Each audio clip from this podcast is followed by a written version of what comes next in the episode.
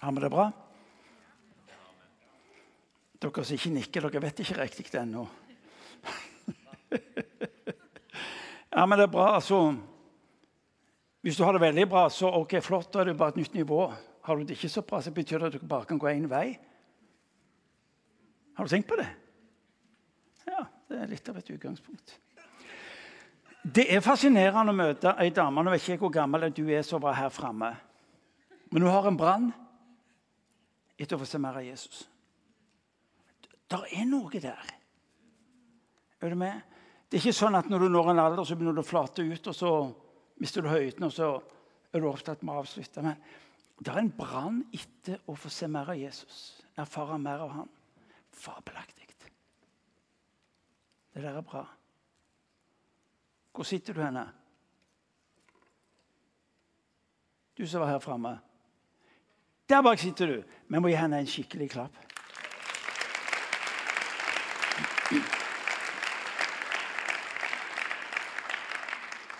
Vi trenger unge forbilder. Vi trenger sånn oppe i året-forbilder. Og så trenger vi de som er litt lenger oppe, forbilder. Som ser oss noe om livet. Takk skal du ha. Takk skal du ha. Martin Cave heter jeg fordi jeg er i tillegg gift med henne. Folk spør meg eh, Når spør Irene er det, er det du som er gift med Martin, så sier hun nei, det er han som er gift med meg. Det er bare så du skulle få perspektiv på hva vi snakker om. Og posisjonene i dette huset. Så det, jeg lever vel med det, jeg. Kjære vene. Tenk å få lov til å være gift med, med deg. Ja, jeg skal ikke si mer om det. Det er noen som sier til meg at ja, men her, Martin, nå må dere ikke bli for interne, sier de av og til. Eh, husk på dette, dette er jo ei kirke, så sier jeg interne. Altså Hvis vi er familie Altså Hvis vi forstår kirka som familie Er du med? Er det klart det er Du må gjerne være intern, men informer om det. Ikke sant vel? Fortell om det. Men vi ønsker ikke å være kirke. Det er ikke kalt å være kirke. Dere må få det en gang til. Eh, altså, Da var Herre med teamet en gang ved tidenes morgen hadde lunsj. Noe i den turen. Det står noe om det i første Mosebok. Så står det at de sa la oss gjøre kirka i vårt bilde. Det er ikke det det sto. Det står 'la oss gjøre mennesket i vårt bilde'. Ja, Da mente han 'la oss gjøre familie'. For det står 'bli mange', 'bli fruktbare', 'oppfyll jorda'. Og da må du jo være familie. Er dere med meg? Ja. Er klart, Da er det litt internt. Men så bare informer om det. Så Nei, vi ønsker ikke være kirke. Vi ønsker å være en Guds uttrykte familie i denne verden. For du ser, denne verden den, den er ikke så gyselig opptatt med å bli frelst. Men den er veldig opptatt med å finne veien hjem. For det var det de mista en gang. Å være en del av en religiøs institusjon, det er Men å være en del av Guds familie, ja, det er noe annet. Og det er det denne verden lengter etter. Ja, dette, men det var du som satte det i gang. Ja. Vi har vært gift i nesten 39 år. Det Er, nå jeg intern. Vi har vært gift i nesten 39 år. Vi har vært gift i 39 år.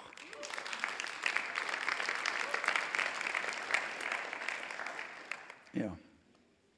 Og fremdeles så går det rimelig greit. Aldri har det vært så bra som nå. Så. Parentes slutt.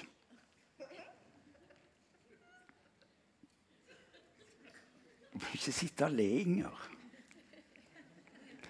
Jeg har vært på, vært Det er faktisk seks måneder siden jeg talte her, så det er derfor dere får litt i tillegg. Dere skal ikke betale for det, pleier de å si. så jeg har, ikke, jeg har ikke talt på seks måneder, så det er klart at da må det bli litt, litt av hvert. Men de av dere som er orientert, vet at jeg i sommer så uh, gikk over i en ny funksjon. Det vil si andre tok over ledelsen i Imi-kirka. og jeg eh, går inn i en annen type funksjon. Du skjønner at uh, i, i, religiøse systemer og bedrifter videre, der slutter de når du er blitt 67. I familien så får du en annen funksjon. Det er ingen som slutter i familien. Er du med? Det blir sånn Kom an, det er jo helt corny. Altså Når jeg er blitt 67 år, så melder jeg meg ut av den familien. Nei, det er jo ikke det du gjør. Hvorfor en annen funksjon? Bestefar eller et eller annet. Morfar. Morfar. Dere må få denne, for jeg syns den er så rørende. Og den er altså så god. Jeg, eh, da, lykke, da, jeg har gleden av å være sammen med min kone. Eh, besteforeldre til tre små. En av disse, den eldste, det heter Lykke Dorothea. og Hun var på hytta en dag. og Hun nekta å være med på det som foreldrene la opp til. Hun skulle sove, og hun sa nei. Og mens hun ligger der på rommet, så hører de hun si 'Jesus'. Jesus. Og så blir det helt stille en stund, og så hører du 'Morfar'. Så hvis det ikke hjelper med Jesus, roper 'morfar'. Ja, altså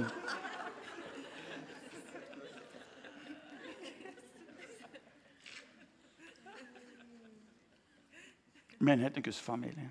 Så jeg har permisjon i seks måneder. Uh, og, og, den de har i stor grad bestått av å egentlig være stille. Det å bare få lov til å være stille. Gud, hva Hvordan har du det? Har du noen gang spurt Gud hvordan han har det?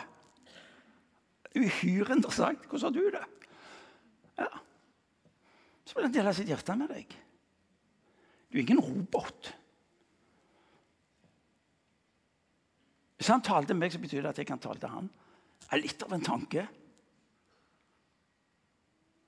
Det er bare et tips, spør han.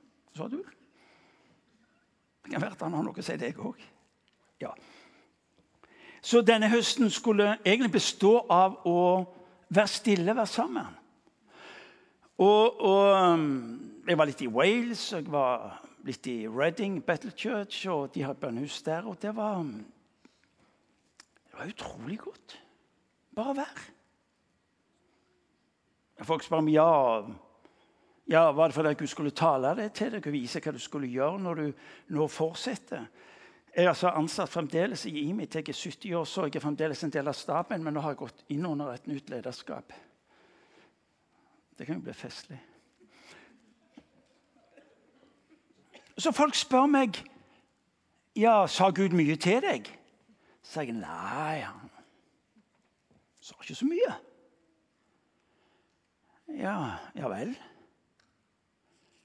Ja, så, nei, han pleier egentlig ikke å si så fryktelig mye.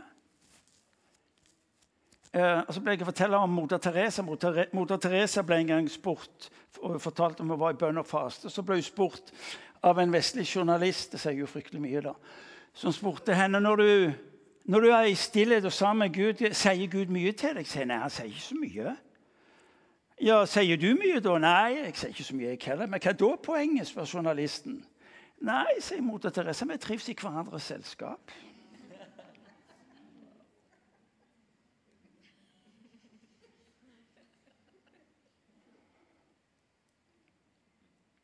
Det er noe der. Ikke sant? Det er noe der. Det er det stresset. Nå må Gud si noe. Nå, nå, nå, nå må, han sier, men kan ikke være litt rolig heller. Bare vær sammen med meg. Stille og vit at jeg er Gud. Ja, Fikk du svar på det du lurte på? Jeg har ikke lurt på noen ting. jeg. Ja, Har du ikke punkter på ting du vil han skal åpenbare for deg? Nei, har ikke det. Kan du tenke deg noe så idiotisk fra allmaktens Gud? Han som en gang talte, og det skjedde. Han som en gang bød, og det sto der. Han som opprettholder alle ting som skulle komme. Det er han med ei liste hvor jeg sier Gud, kan du se på dette, for jeg har noe jeg vil spørre deg om. Istedenfor å være stille, så han kan åpenbare for meg hva som ligger på hans hjerte. For hvis jeg kommer med min liste til han, så, så vil jeg jo ha han inn i min liste. Kom an. Så Jeg, eh, jeg vet ikke hva som ligger for meg, jeg har ikke peiling. Jo, jeg vet jeg skal være med på et eller annet, men ja, hva ser du da? Nei, jeg ser ingenting. Jeg er ikke farlig, det. Jeg skal være sammen med han som vet. Dere har hørt meg si mange ganger det viktigste ikke hva du vet, eller hva du kan, men hvem du er sammen med. Så jeg skal snakke litt om det i dag. Hva 2019 hva ligger foran? Altså? Som sagt, jeg vet ikke.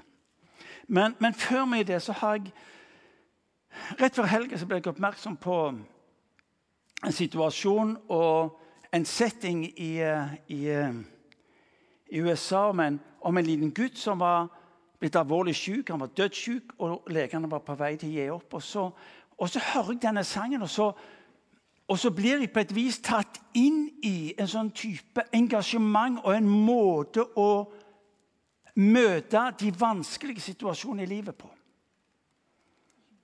Så nå skal vi spille den. Ehm, jeg vil du skal se, men Det var i 11 minutter. 10 minutter og 57 sekunder. Og det kom i tillegg til talen. Ja, Du må ikke tro at jeg har tenkt å avspise talen. er du gal. Men du skal få den i tillegg.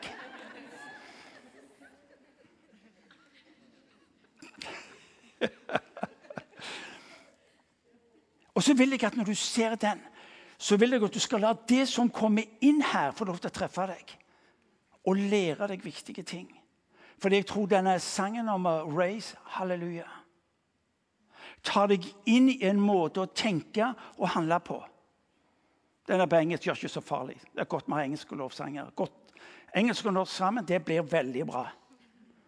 Så nå skal du få se på den, og så skal du la budskapet ta deg. Der er bilde av en far med en sønn.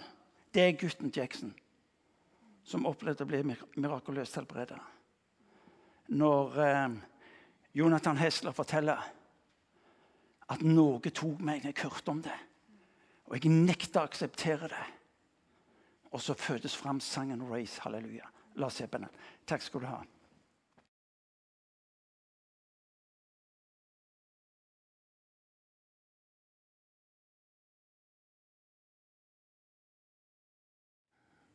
Den der sangen gjorde noe med meg. Fordi den, den, hjelper meg og den hjelper oss til hvordan møter vi det umulige i livet. Jonathan Hesler. Vi leser Hesler, de som har skrevet 'No More Slaves'. Glimrende lovsangere. Noen sier det meg ikke det er en litt heftig musikk for deg. Ja, husker på at jeg har vokst opp med Rolling Stones og Beatles og Jimmy Hendrix. Så, så det er klart at dette er nesten i den gata som jeg trives med.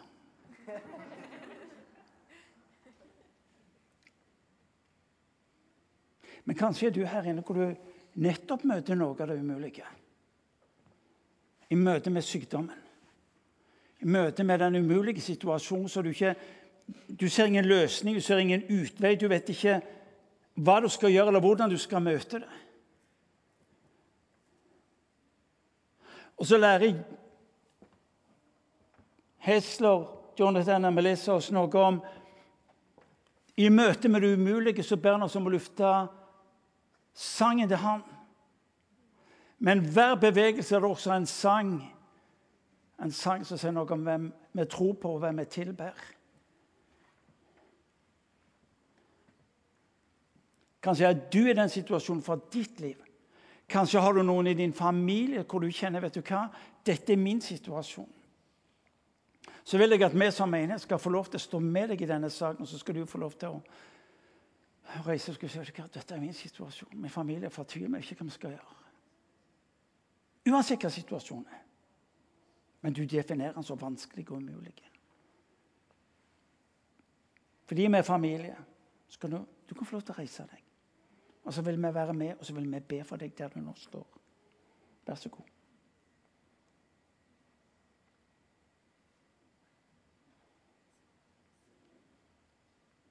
Vær så god.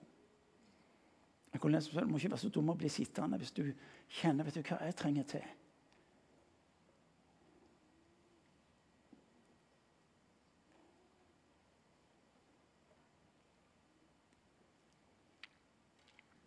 Jonathan Hesler ser at når jeg hørte om sykdom, så var det som om det var en mur av vantro som, som sto opp foran meg og ville ta livet mitt. Og jeg bestemte for at jeg skal synge en sang som er høyere og kraftigere enn den vantroen jeg møter, som står der foran meg. Jeg hvor lett vantroen invaderer livet mitt når livet er vanskelig.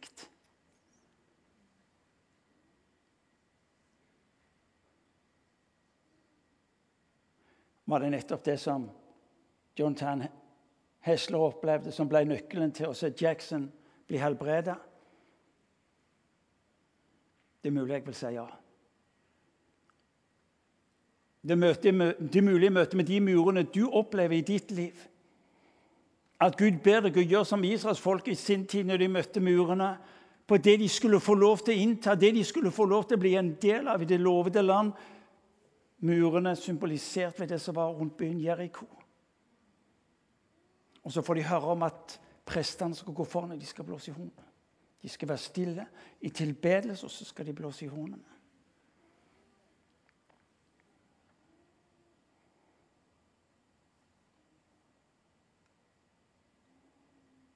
Bibelen sier at Gud har gitt deg det du trenger, men det du vil ha, må du gå etter.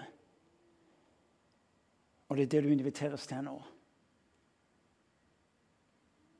Og hvis du kjenner dette er mitt liv, så ikke bli sittende. Du må ikke bli sittende.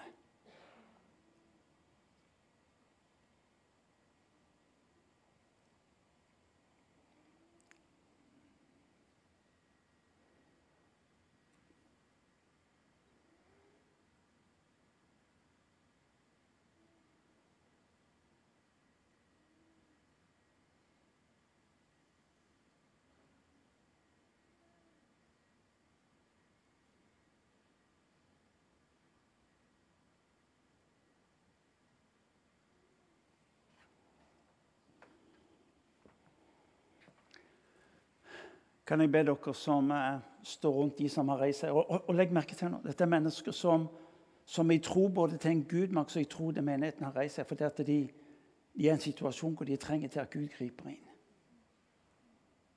Takk skal dere ha fordi dere gjør det.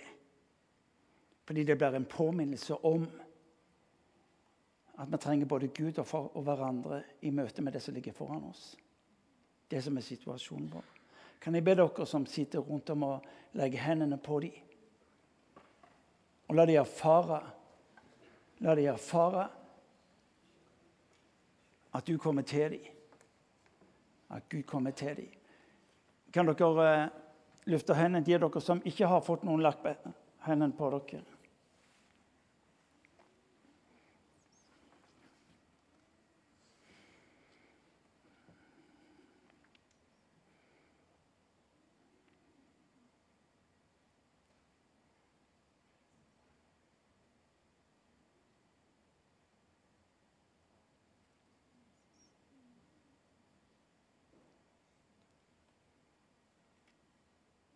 Og jeg vil at du, når du står der og har lagt hendene på noen der, så vil jeg at du skal, du skal få lov til å ha en bekjennelsen Gud i tro til deg. Legger hendene på denne, min bror, min søster. I tro til deg og i forventning til deg her ber jeg om at du skal berøre meg slik en måte at det som synes å være stengt, innestengt, det som synes å være låst og fastlåst, det bryter du igjennom.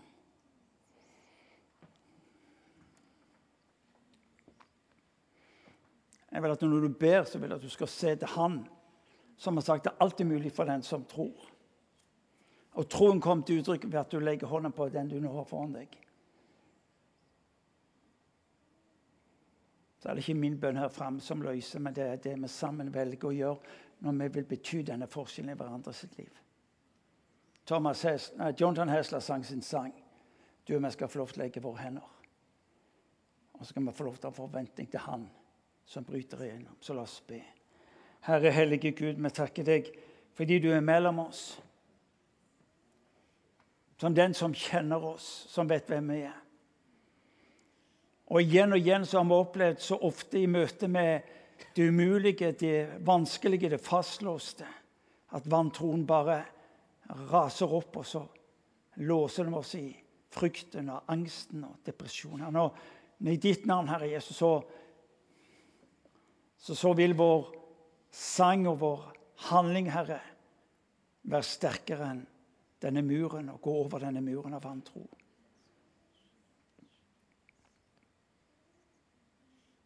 Far, vi ber, om, vi ber om å få se, Herre Jesus, ditt liv, ditt gode liv, bryte igjennom. Som er vitnesbyrd om Jackson, som vi så på videoen. Herre.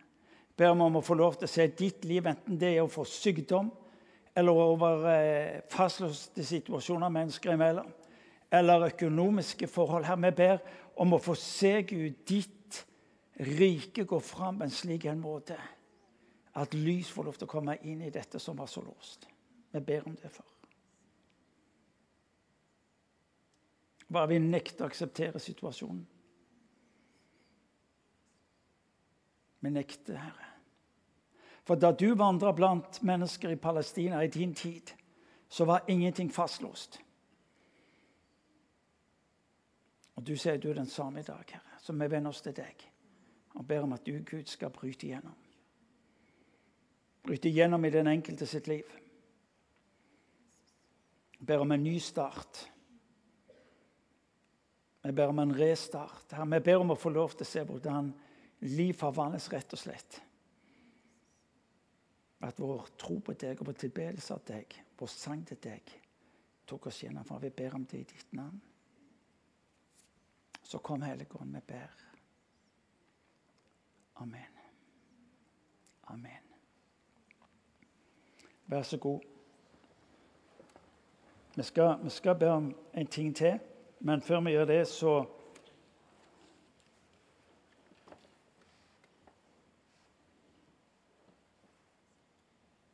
Vi rører ved en dimensjon som vi ikke helt har tak på, som jeg tror vi skal få lov til å lære noe av. I møte med det umulige. At vi velger nettopp sangen. Og du som er i den situasjonen, og du reiser deg, så når du kommer hjem, så, så velg sangene som, som, forteller meg hvem Gud er. I dag er det jo så flott at du kan se deg på noe som ruller og går 24 timer i døgnet. og Det er ikke dårlig, det. Og nettopp sannheten om hvem Gud er, og hvem han vil være i ditt liv, skal bare få lov til å fylle sinnet ditt. Skal få lov til å være det som du dras inn i og det som du har mot på å møte. Gjør det. Det er denne sirkelen vet du, på spilleren som sier at den, går 24 timer i døgnet. Sett den på. Kommer du hjem fra jobben, eller går det surr om natta også? Det er interessant at de fikk beskjed om at lovsangen skulle lyde 24 timer i døgnet.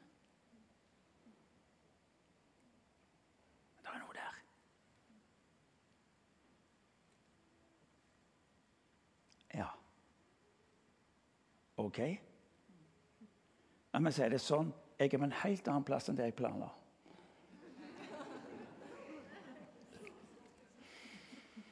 Men det er ikke farlig, det. I beste fall så får dere ei gode preik som har ligget og god, godgjort seg en stund. Det er litt seinere. Midt i det hvor vi er sammen nå, så møter vi en situasjon som har rammet en familie. Og jeg vil dere skal Hvis vi får mobilen Nei, ikke mobilen. Hvis vi får den. Eh, til deg som er litt undrende på, på, hva som skjer, og hvorfor det skjer, så er det nettopp for det jeg sa innledningsvis. Hvis du tenker menighet eller kirke, der, så, så, ikke gjør det. Fordi at vi, vi må forholde oss til hverandre. Vi må våge å være nær også hverandres smerter og utfordringer og situasjoner på en slik en måte at vi ikke bare hastig går forbi, men at vi stopper opp. Og Det er noe av det vi nå har gjort. og Derfor så ble nettopp videoen med, med Race Halleluja så viktig. Og mens dette skjer, så er det en situasjon som jeg vil dere skal både høre, og jeg vil dere skal være med å omfavne den. Fordi den berører mennesker. Så del med oss. Eh, for noen få timer siden så fikk jeg en SMS fra en god venn av meg som eh, skriver sånn. God søndag, Knut. Jeg kjenner datteren til Ann Elisabeth Hagen, som er savna og kjent fra nyhetene de siste dagene. Jeg ønsker nå å iverksette en bønnekjede og videresende deler av en SMS som jeg fikk av dattera. Det er så mange vonde og tunge dager med den situasjonen vi står i, og bekymringen for mamma og Mimmi er overhengende. Vi har tro på at politiet gjør så godt de kan, men også tro på bønnens kraft, som gir styrke og fornya håp. Hjelp oss å fortsette å be for henne, og selv om det er vanskelig, be for dem som har gjort dette, at de må se og forstå at dette er galt, og hjelpe dem til å finne en vei der vi sammen kan få henne trygt hjem. Takk og god søndag. Jeg har setter stor pris på om du har anledning til å bidra og aktivisere dine trossøsken. Kristian. Jeg var veldig usikker på hva jeg skulle gjøre med denne SMS-en. her. Eh, så, eh, men så hørte jeg Martin, snakke om familien. og Det, er jo nettopp det kirke Kirke er familie. Så Derfor måtte jeg ta med hjem til dere. Så jeg utfordrer oss alle sammen til å ha denne situasjonen oppi og være med og be for dette. Dette er en situasjon som virker uoverstigelig for familien der. Du kjenner noe av det. Om dette hadde vært din og min situasjon. Vi gjør det. Voldsomt. Så la oss, la oss reise oss. Og Bibelen sier et sted om å lufte hellige hender. Jeg vet ikke hva forhold du har til å lufte hendene eller ei. Men Bibelen sier noe om å lufte hellige hender. Så la oss lufte de hendene som uttrykk for å tro til Han som har sagt 'be til meg' og jeg vil svare dere. Så la oss be. Knut, du ber. Far, du som er vår far, og som er har vist deg gjennom generasjoner og gjennom slekt at du er til å stole på. Du har vært eh, far og Gud for alle som har vært før oss. Himmelske Far, vi kommer til deg, og vi nekter å godta at noen skal kunne ta seg til rette sånn i menneskets liv. Himmelske Far, send eh, dine legioner. Send oss, far. Himmelske Far, eh, velsign disse menneskene som står her, slik at de ikke mister motet, men at de klarer å bli stående, far. Og så ber vi for hjertene, far, du som kan bøye all verdens menneskers hjerter. Vi ber deg for de menneskene som har berøvet friheten her. Himmelske Far, la hjertene deres mykne. Himmelske Far, la hjertene deres mykne.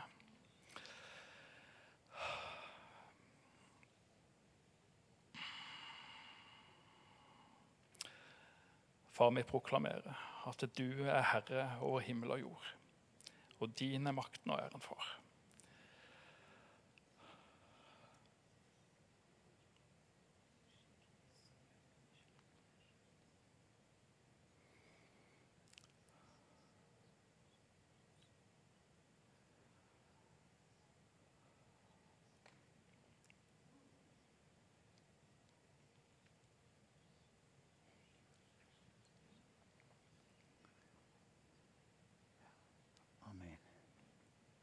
Amen.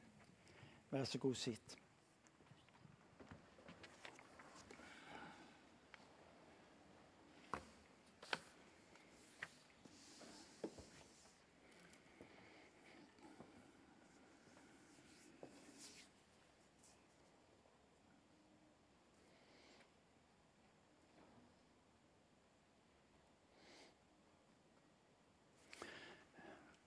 Dere skal få litt av det som jeg opplevde Gud har minnet om. 2019.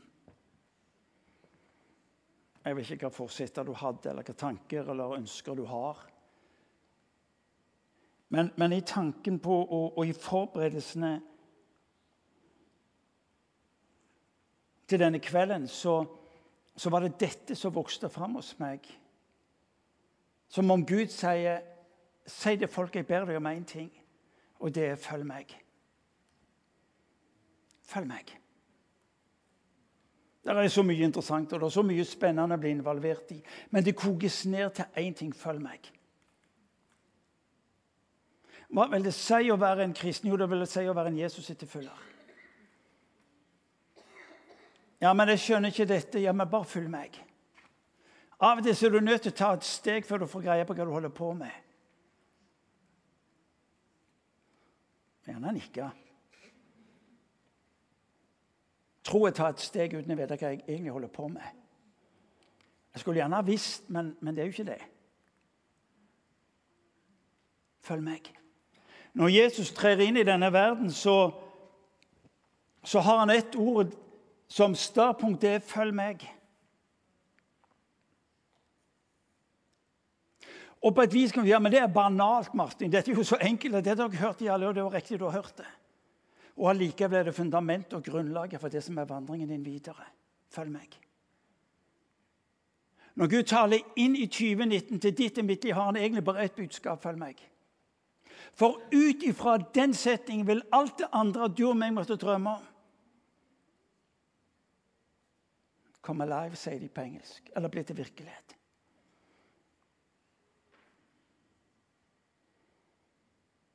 Ja, hva sa Gud til deg i høst? Martin? Han sa ikke så mye.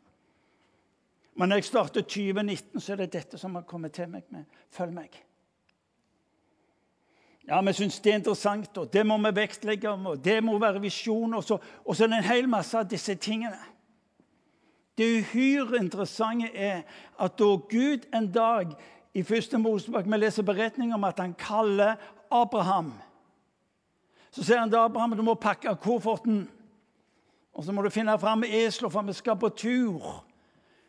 Ja, hvor da henne? Et land langt borte. Ja, Kan du være mer presis? Nei, det hjelper deg ikke, men det, det er et langt vekke. Ja, Hvor lenge skal jeg være der? Det er resten av ditt liv. Ja vel. Ja, men Familien, da? Nei. Du må si ha det til familien. Du må bryte opp fra familien fordi at du nå skal begynne på noe nytt.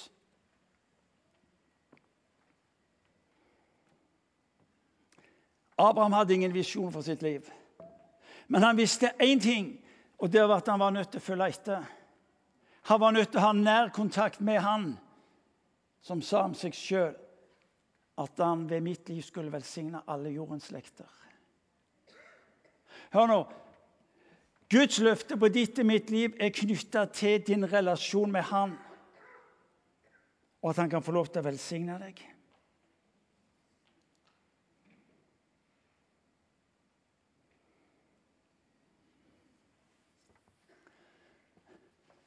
Du skjønner det at eh, det å være en kristen er ikke primært å være en kristen med tanke på produksjon. Vi tror at vi er kalt til å vinne denne verden primært. Men det er det jo ikke. Vi tror at vi er primært kalt til å bety en forskjell. Men det er du primært ikke. Det er bare en frukt av. Første brev til Korinterne, kapittel 1, vers 9, så står det vi er kalt til samfunn med Sønnen. Altså etterfølgelse forutsetter relasjonen.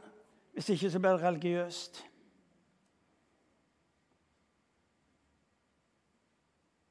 Tenk deg tanken. Gud den allmektige, som skaper, som former, som opprettholder. Han bøyer seg ned, og så sier han, Martin, jeg ønsker å ha fellesskap med deg. Det er det en sum kristendom er. Når han sier til, til de som var rundt han i sin samtid 'Følg meg, og så skal jeg gjøre dere til, til, til, menneskefiskere.' Han starter med relasjonen med seg. Hvordan verden kan det gi mening? Jo, det gir mening hvis du skjønner at det er kjærlighet som ligger bak. Når du i møte med det som skulle vært annerledes i ditt liv, i omgivelsene som skulle vært annerledes, så har han egentlig bare ett svar, og det er 'følg meg'.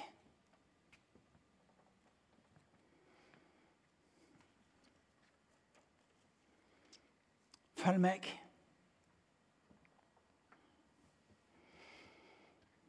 Tidligere i dag har vi snakket om dåp. Og Dåp er ei greie som folk strever litt med, men det gjør ikke så farlig. Litt må vi jo streve med. Å være uenige på det er ikke så farlig.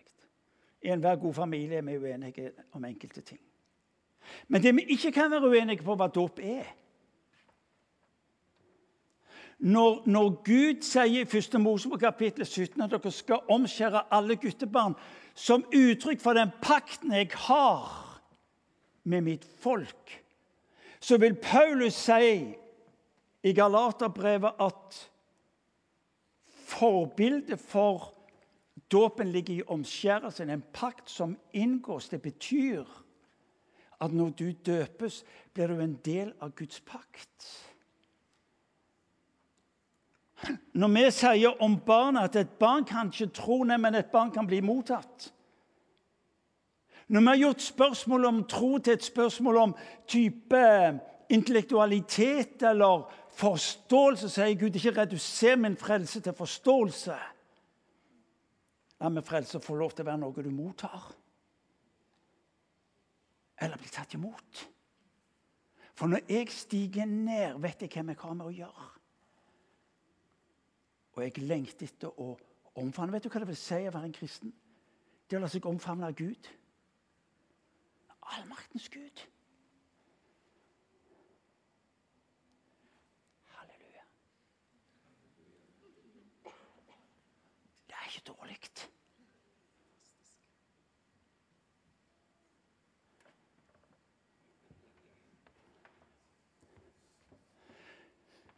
Når du døpes, blir du en del av Guds pakt.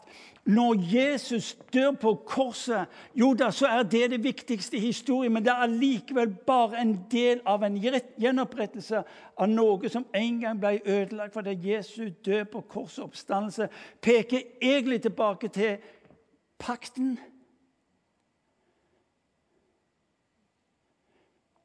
Når du og meg strever få livet til å gå i hop, vi stiller spørsmål om jeg er god nok, tror jeg nok, er kristelig nok, og alt det som skulle vært annerledes, så sier Gud ja, kan ikke la det ligge. For denne pakten baseres ikke på dagens tilstand i ditt liv. Den baseres på de facto at jeg har inngått en pakt med mennesket.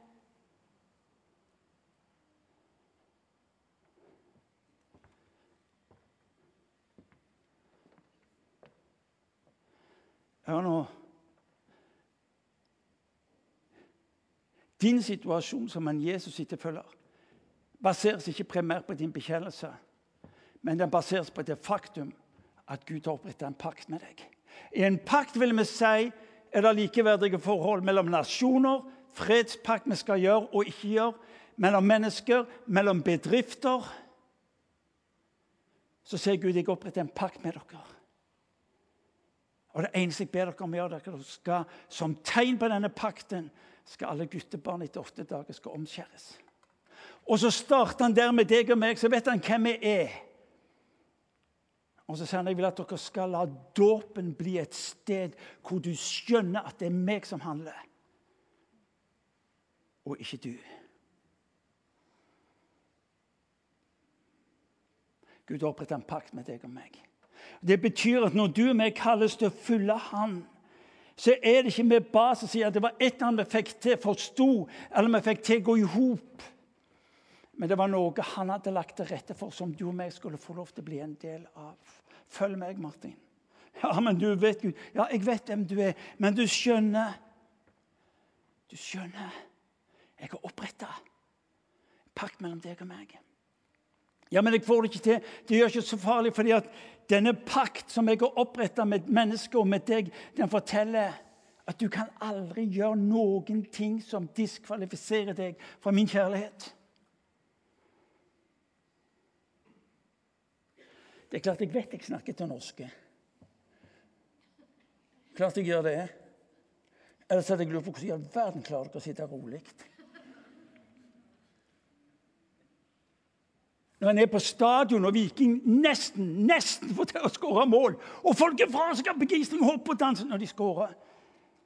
Og her får du og meg høre allmaktens Gud stige ned og så kvisker han meg i øret og sier du kan, du kan ikke gjøre noen ting for å redusere min kjærlighet til deg. Du kan ikke gjøre noen ting for å øke min kjærlighet til deg. Jeg elsker deg uansett. Samme søren. Følg meg. Ja, men jeg vet ikke om jeg får det til. Gjør ikke så farlig. Bare begynn. Ja, men det var så mye annerledes. Ja, bare begynn. Når han møtte Peter og Jakob og Johannes står om de, vet du, for Rett etter denne teksten i Markus 1 så møter han jo disse fiskerne. Jeg skal gjøre dere til menneskefiskere. Litt lenger ned så forteller jeg hva han egentlig holder på med dem. Dere skal ta verden. Takk Gud at han ikke forteller alt oss med en gang.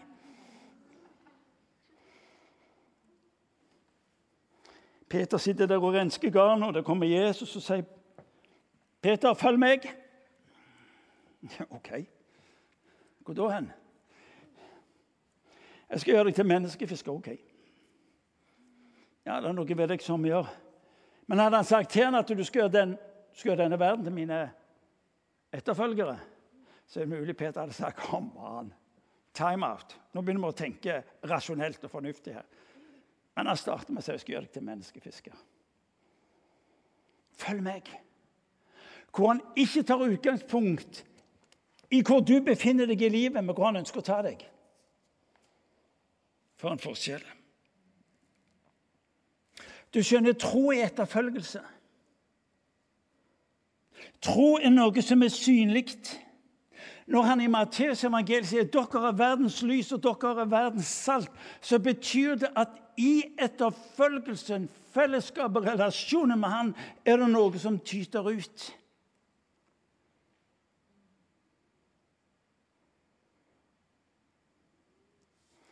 La meg utfordre. Det er noen som snakker om den skjulte. Det fins ikke skjult tro. Det er helt meningsløst.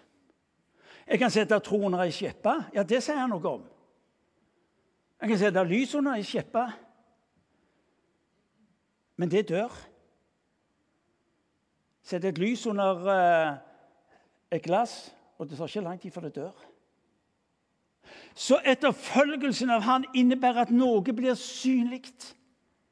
Det betyr at lyset og saltet blir synlig. I ham, sier Bibelen, formår jeg alt som gjør meg sterk.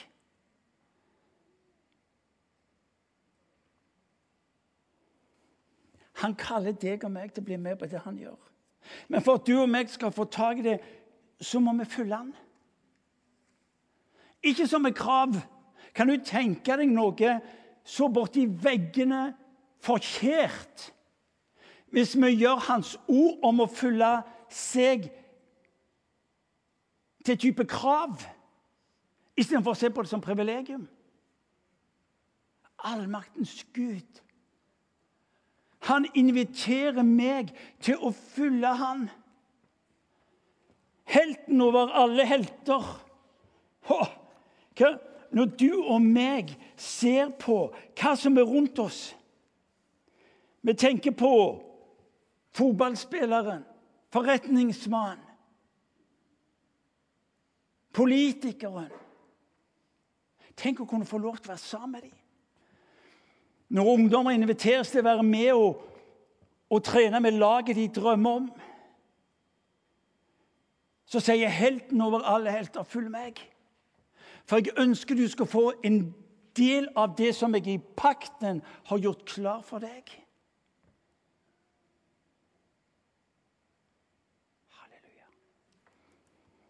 Halleluja, sa han litt høyere.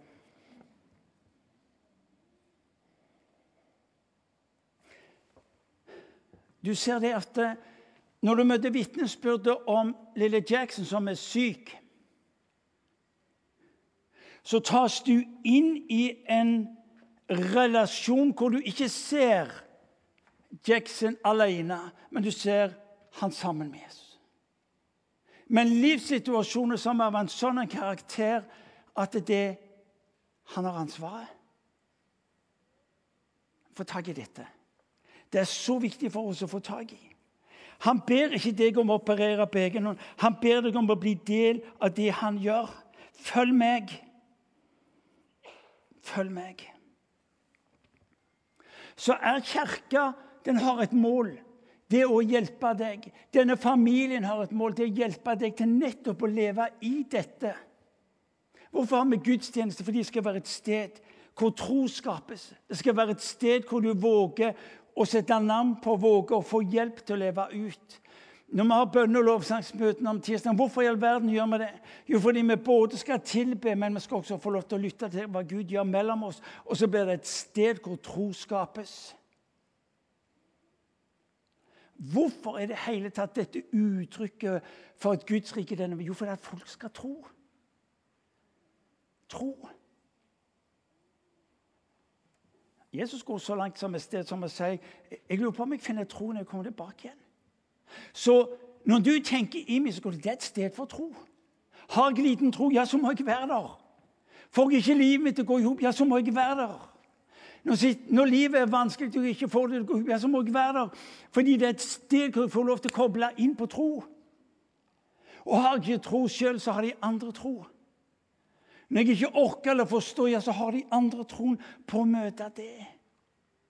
Fabelaktig at du og meg skal få lov til å gjøre det. Gud, hva, hva gjør du i dag? Følg meg. Hvorfor er det så viktig? Jo, fordi du får et sant bilde av hvem Jesus er, men også hvem du er. Ikke bare det, men han sier 'følg meg', slik at du kan bli som meg i denne verden. Ikke bare at du blir pen og vakker å se på, men også fordi du skal bli inkarnert i hvem han er inn i denne verden. Bli en del av hvem han er i denne verden.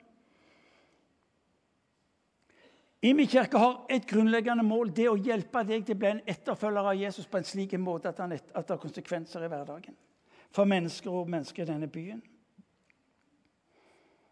Følg meg når du møter utfordringene. Hva gjør du nå, Jesus? Fordi få tak i dette. Bildet er litt banalt allikevel sant. Hvis du følger etter en, så er det en som går foran. Følg meg i møte med det som er vanskelig. Han går foran. Følg meg i møte med det som er en utfordring. Gå foran. Følg meg for det nye jeg tar deg inn i. Og så skal du i tida som ligger foran deg i 2019, oppleve at du utfordres på en etterfølgelse av Jesus som vil ta deg inn i nye situasjoner. Hvor du spør hva betyr dette dette hadde jeg ikke planlagt. Nei, det kan du regne med. Har du med den mektige å gjøre, så må du bare ikke tro at du har oversikt over hva som ligger foran deg, men du er sammen med han som har. Møtte Frode Sandal her ute. Noen av dere vet. Sentral lederstilling i SR-Bank i, i, Stavanger. og For litt over et år siden så opplever han at Gud kaller han til å bryte opp og reise på DTS på Hawaii. Han og Gry og familien. Og Før han kommer hjem til Norge, så ser han opp jobben sin. Fordi han opplever Fordi han opplever at Gud tar han inn i noe annet. Og så sa han her ute på etter gudstjenesten etter G11 sa Martin, det er så sykt spennende. Det er helt fenomenalt. Ja, Det skulle da bare mangle at det ikke var fenomenalt hvis du har med allmaktens Gud å gjøre. Kom an! Det kan da ikke bli kjedelig, det. Så hvorfor IMI? Jo, for å hjelpe deg til å sikre at du ikke har for stor avstand mellom han og deg. Det er noe bra der òg. Ikke sant? Det, det, det, å sikre deg at når du driver på Bibelen sier noe om noen som ble liggende etter på veien. Så de mista det Gud hadde for dem. Ja, men kjære Gud! Må bli liggende etter.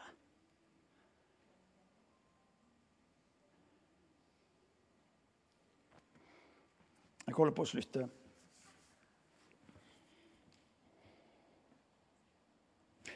Følg meg. Hvordan vil det se ut? Begynner folk å gå, Det er sikkert uttrykk for at de syns dette er veldig spennende, og at de klarer ikke å ta mer i dag.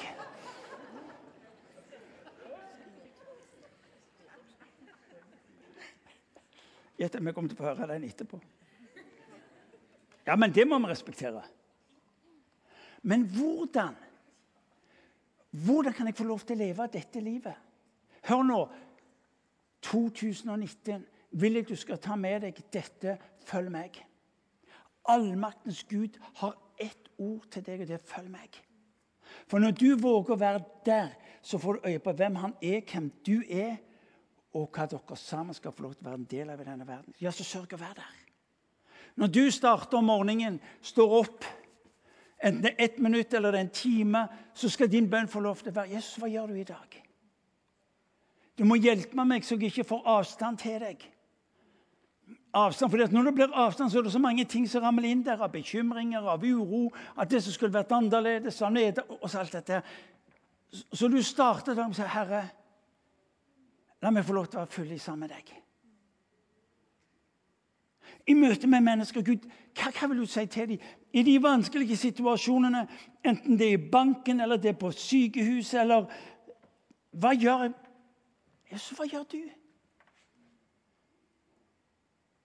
Altså, Hvis han omtales som helbreder, så må jo ha et eller annet synspunkt på det som skjer på et sykehus òg. Bare tips. Eller når han ga dette kloke svaret om at med hensyn til skatt og gi det som tilhører keiseren og det som tilhører Gud, ja, så har han litt greie på økonomi òg. Gud, hva, hva, hva gjør du?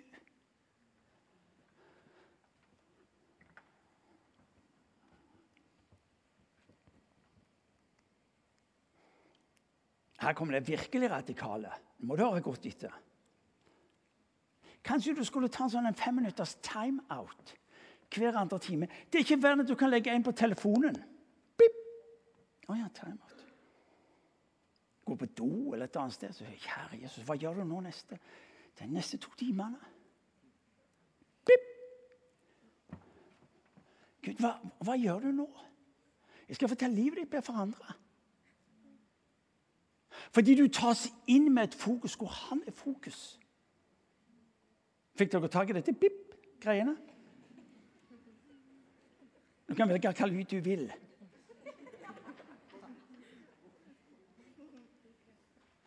Men du og meg trenger hjelp på den ene sida av menigheten til å leve dette livet.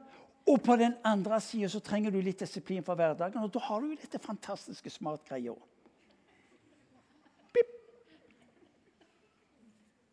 Jesus, hva gjør du? Trenger ikke gjøre det mer komplisert. Trenger ikke gjøre de lange bønnene. Trenger ikke gjøre det til tidebønner. Tidebønner er bra, det. Men for, du har ikke betalt for å ha det på jobben. Bip. Jesus, hva gjør du nå?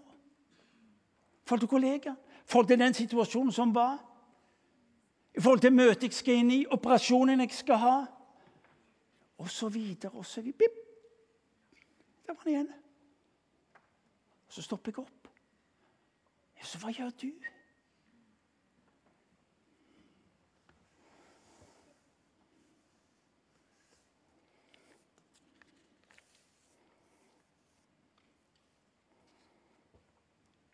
«2019. Kveldens radikale utfordring. Skriv det med svære bokstaver. Jeg, jeg kommer, Jesus. Jeg er full etter.